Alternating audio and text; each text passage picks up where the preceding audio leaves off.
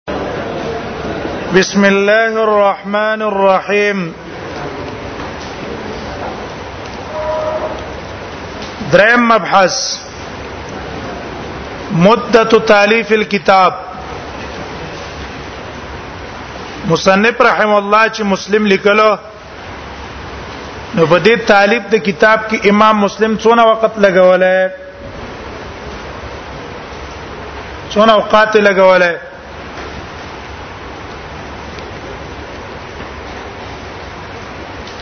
نو احمد ابن سلامه هغه وای كنت مع مسلم في تالیف صحیحه 15 سنه امام مسلم چې دې کتاب طالب کاو وې زه وسرو مانو 15 لس کاله په لګولې دا کتاب په 15 لس کالو کې طالب کړه سیرو اعلام النبلاء او طبقات علماء الحديث دا قول نقل کړه اشاره شو دې ته چې طالب کې تعظیم کوي ته ډیر زر می ولیکل نه په سړی سینه باندې ولیکا سوچ سمجھ باندې شی ولیکا زر شعر استل څه کمال نه ده جوده ته وکخه امام ابو داود په شل کال لګولې د په پنځل لس کال لګولې امام بخاری په درش کال لګولې نو کتاب باندې د وخت لګي خیره خو خي الیکا به تحقیق خبرې پکې ونه لیکي چې سبا در باندې صحیح سبا په در باندې بیا هغه خپه سلورم مبحث مکان تالیفه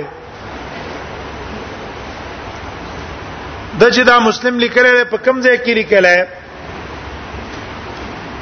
ابو داود کې هم ویلو اقمت بالترسوس 20 سنه اكتب المسند هغه سنن ابو داود په ترسوس کې لیکل امام مسلم کتاب په کوم ذکر لیکل ہے نو دا, دا کتاب لیکل دی په خپل نسابور علاقه کې نسابور کې ابن حجر رحم الله ومقدمه د فتح الباری کې وایي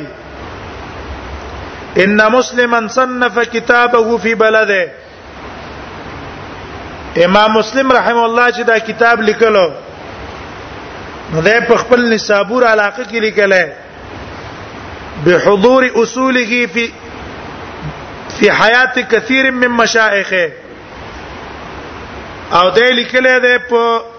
ژوند اکثر استادانو کې کومر استادان نه چې د روایتونو نقل کړي په دې صحیح کې اکثر د استادان ژوند دیو فكان يتحرز في الالفاظ ويتحرى في السياق نو اېدا به الفاظو کې کوشش کاو چې استاد کم الفاظ یې نقل کم دیوژن کې شک راغله ده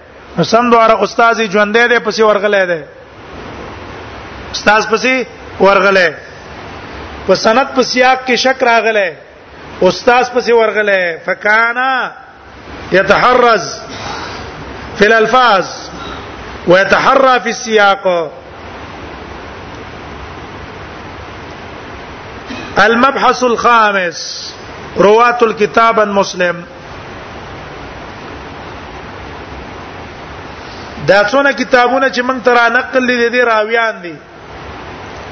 معنا د امام بخاری خپل روات دي چې هغه را نقل کړي د ابو داود نه رواتو کنه مشهور نو دقه سي د امام مسلم روات څوک دي ابن الصلاح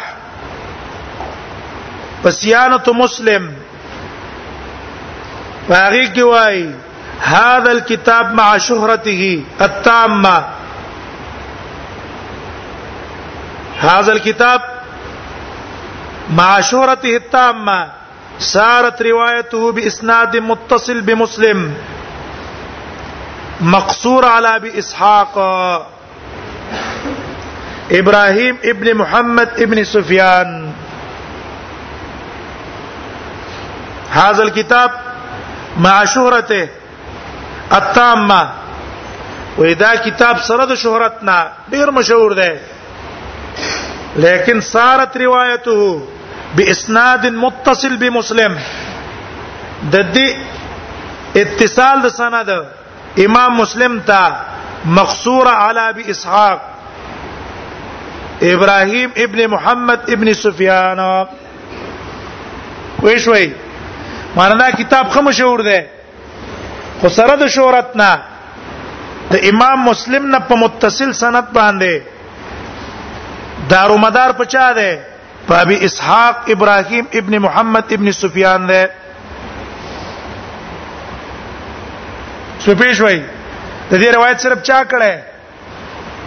د امام مسلم نه ور امام ابو داود ابو لولوی کړه ابن داستا کړه نور کړه لیکن د دې روایت صرف چا کړه صرف ابو اسحاق کړه ده ابراهيم ابن محمد ابن سفيان بیا وای غیره انه يروى في بلاد المغرب مع ذلك نبي محمد احمد بن علي القلانسي غير انه يروى في بلاد المغرب مع ذلك عن ابي محمد احمد بن علي القلانسي واذا دي سرسره په بلادو د مغرب دا روایت د چارم نقل کیږي دا نقل کی د ابو محمد احمد ابن علي القلانسي عن مسلم دو روایتونه شو راویان د کتاب څو شو دوا یو مشهور دی په هر علاقه کې هغه څوک دی ابو اسحاق ابراهيم ابن محمد ابن سفيان دیم په بلاد المغرب کې ده الته مشهور ده د دې سره سره دویم راوی د دې څوک ده دویم راوی ابو محمد احمد ابن علي القلانسي دقه قول امام مسلم په شرح د مسلم کې هم کړه چې مسلم په دې دوو روایتونو باندې متصل سند را نقل شوی را نقل شوی نو دا دوه شو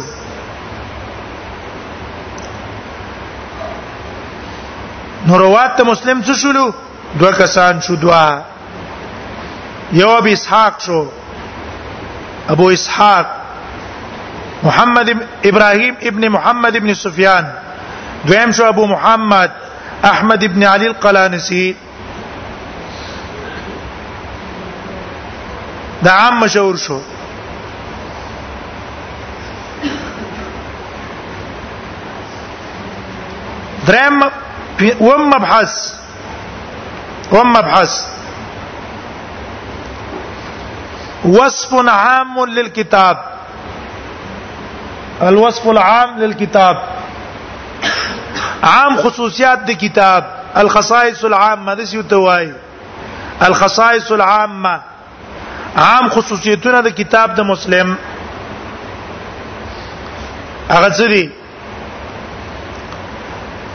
نو عام خصوصیت دا ده چې کتاب جامع فی احادیث النبی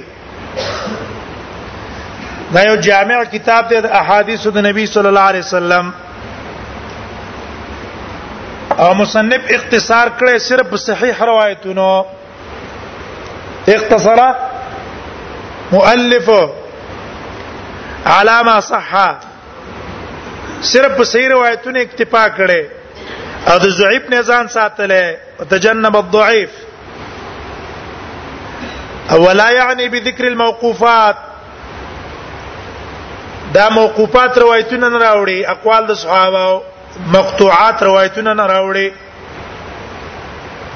اقوال العلماء نه ذکر کړي اقوال العلماء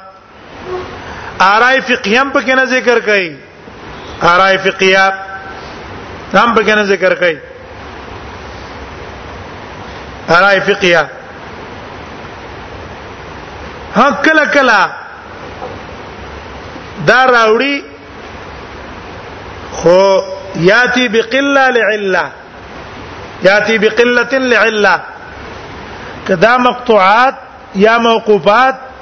یا یو قول د عالم راوړي د حکمت د وجنه به راوړي د علت د وجنه به راوړي او که علت او حکمت پکې نه سره غ ذکر کوي نه صرف اکتفا په احادیثو کوي بل خصوصیت دا ده چې د خپل کتاب شروع په مقدمه کړي ابو داود کې مقدمه نشتا بخاری کې نشتا نسائی ابن ماجه موطا د مالک موطا د امام دا مسند د احمد ته دي مقدمات نشتا د خپل کتاب په سر کې مقدمه راوړې او پاغي مقدمه کې سبب ته طالب بیان کړه چې باعث په ما باندې تصنیف د کتاب څه وو نندارنګ پاره کې مقدمه کې طریقې ذکر کړې ده چې طریقه د کتاب زما څه ده طریقه بیا مسائل ذکر کړي په علوم الحديث کې علوم الحديث کې مسائل ذکر کړي په مقدمه کې کنه چار روایت مقبول دي چانه ده حدیث لقاء حدیث معنعن معاصرت معاصر د معاصر نه لقاء په کې ضروری ده کنه ده ضروری هغه مسله هم ذکر کړي بیا د مقدمه نه بعد مصنف کتاب الایمان راوړی دا کتابونه دي کتاب الایمان بیر الطهاره بيد كتاب الحيز بيد كتاب الصلاة بيد كتاب المساجد بيد كتاب صلاة المسافرين بيد كتاب الجمعة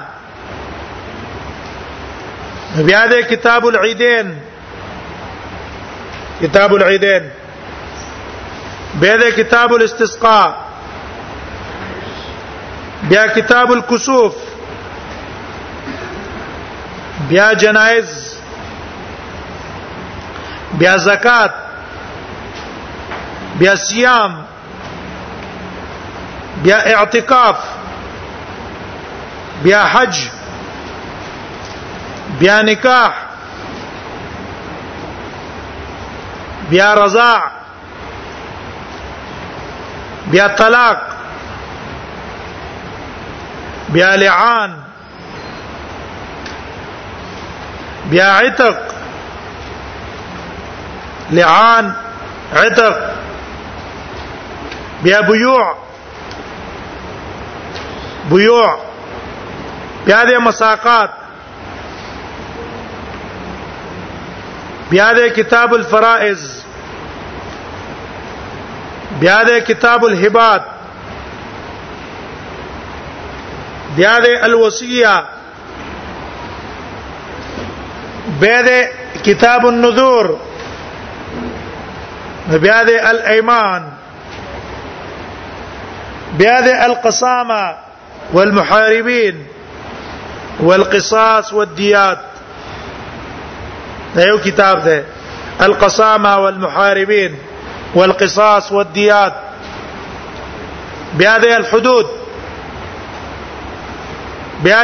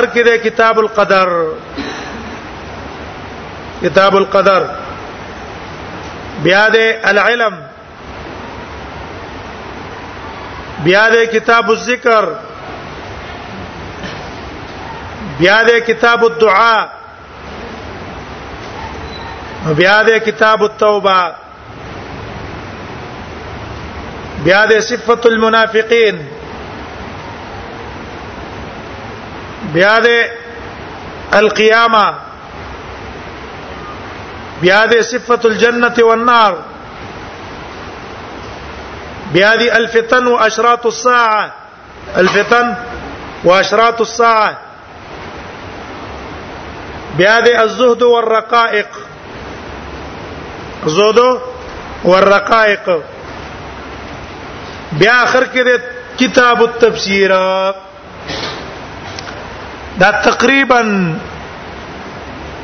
سلور 50 کتاب شو سلور 50 کتاب شو په ټول مسلم کې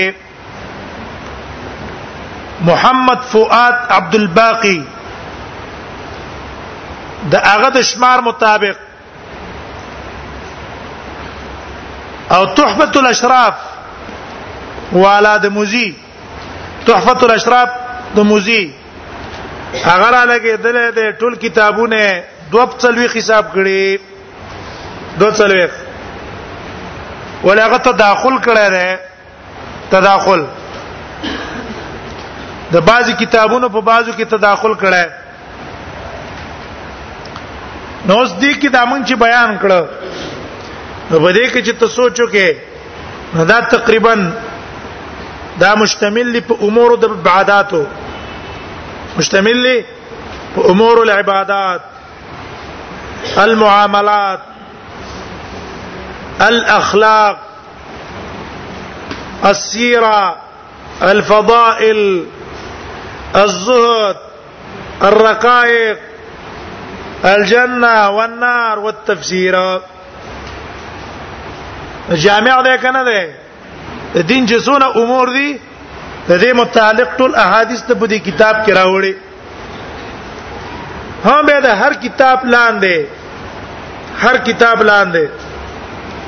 مصنف احادیث راوړي دي خو حدیث په دې طریقه راوړي چې هر حدیث مفصل له په ابواب اگر کده ول عنوان د باب نه ور کړه عنوان د بابي نه دی ور کړه لیکن هر حدیث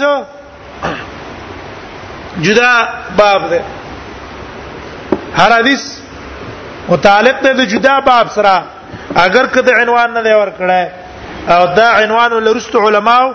اخه امام نووي خپل ترجمه الباب اخه او که هغه والا ده فتح الملحم والا فتح الملهم هغه ول خپل مطابق بابي خه ترجمه البابي خه انور شارحین ول خپل خه لیکن د دې چې کوم حدیث راوړي دا حدیث ګوره د خپل خپل ابواب متعلقي خپل متعلق دغه کتاب څه کتاب شو خصائص عامه شو چې جامع کتاب دی ګره څه شولو جامع دی د پاره د ټولو ابواب د دین المبحث الثامن طريقه المصنف د مصنف رحم الله طریقه صدا نګور مصنف رحم الله خپل طریقه په کتاب کې په مقدمه کې په خپل راش په مقدمه کې الته به ان شاء الله بیان کو چې دی وایي اول قص کومه اقا حدیث راوړم چې کم اول نمبر روات دي ما صح د څه دی سيعمد الى جمله ما اسند من الاخبار او هغه په درې طبقو دي یو اول نمبر هغه د شنو راوړم دویم چې بعض علماو په کلام کړه هغه نه روایتونه راوړم د پاره ده شواهد او د متابعات او دریم قسم چې ضعیف دي متهم دي هغه روایت چې ضعیف او متهم دي هغه طرف ته سره رجوع کوم نه بیا به تشریح وکړو چې آیا د دې مصنف ته د مقدمه د دې الفاظ عبارت نه څه مقصد ده آیا دا په دې مسلم کې یادې او کنا دا په نورو کې یادې الته به تشریح بیان کو په حاصل دا چې طریقې څه ده دا د چانه اول او د دویمه طبقه نه روایتونه کې د زعیفانو نه سره روایتونه راوړي نه دا غین نه راوړي دا کیفیت د د دیوژن علما وایي علما اکثر دې څه کوي وې دې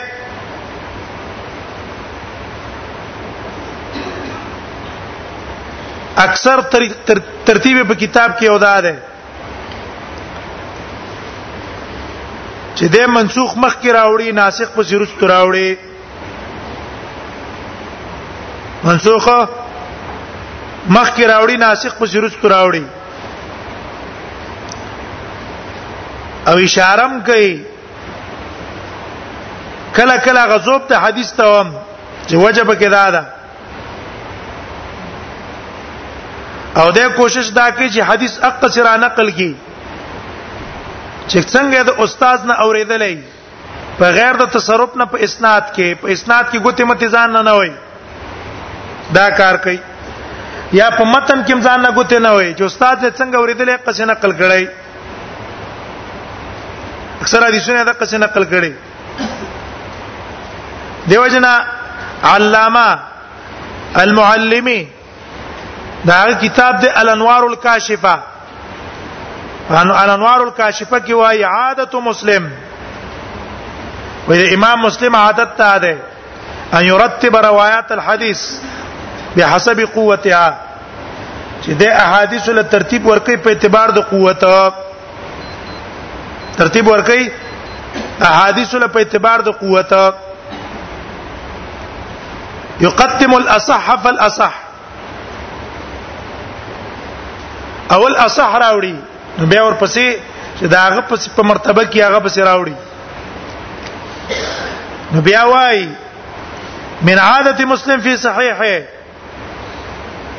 وې د امام مسلم عادت ته ده چې انه عند سياق الروايات المتفقه في الجمله يقدم الاصح فالاصح دا کار کوي شروط مسلم د امام مسلم شرط څه ده دا بل مبحث ده د هر ائمه یو شرط په کتاب کې چې د کوم راوی نه روایت نقل کوي د کوم روایت نه روایت نه نقل کوي نو د امام مسلم شرط په خپل صحیح کې څه ده کوم راوی نه روایت نقل کوي نو ابن الصلاح په سیانه مسلم کې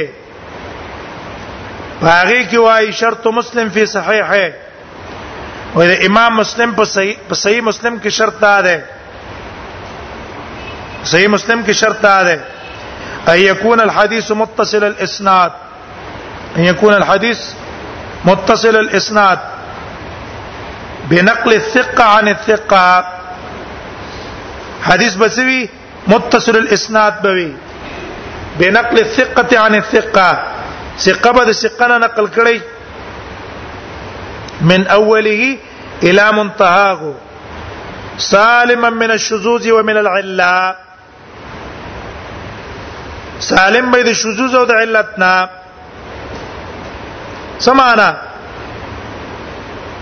صحیح حدیث راوړي دا شرطونه د صحیح حدیث دي کنه دي صحیح لعینی چوته وي صحیح لذاته هغه دي نو هر حدیث چې دا اوصاف پکې راجم او اقادیس راوړي او دا کوم حدیث کې چې دا اوصاف جمع وو نو په اتفاق د محدثینو دا حدیث صحیح دی او امام نووي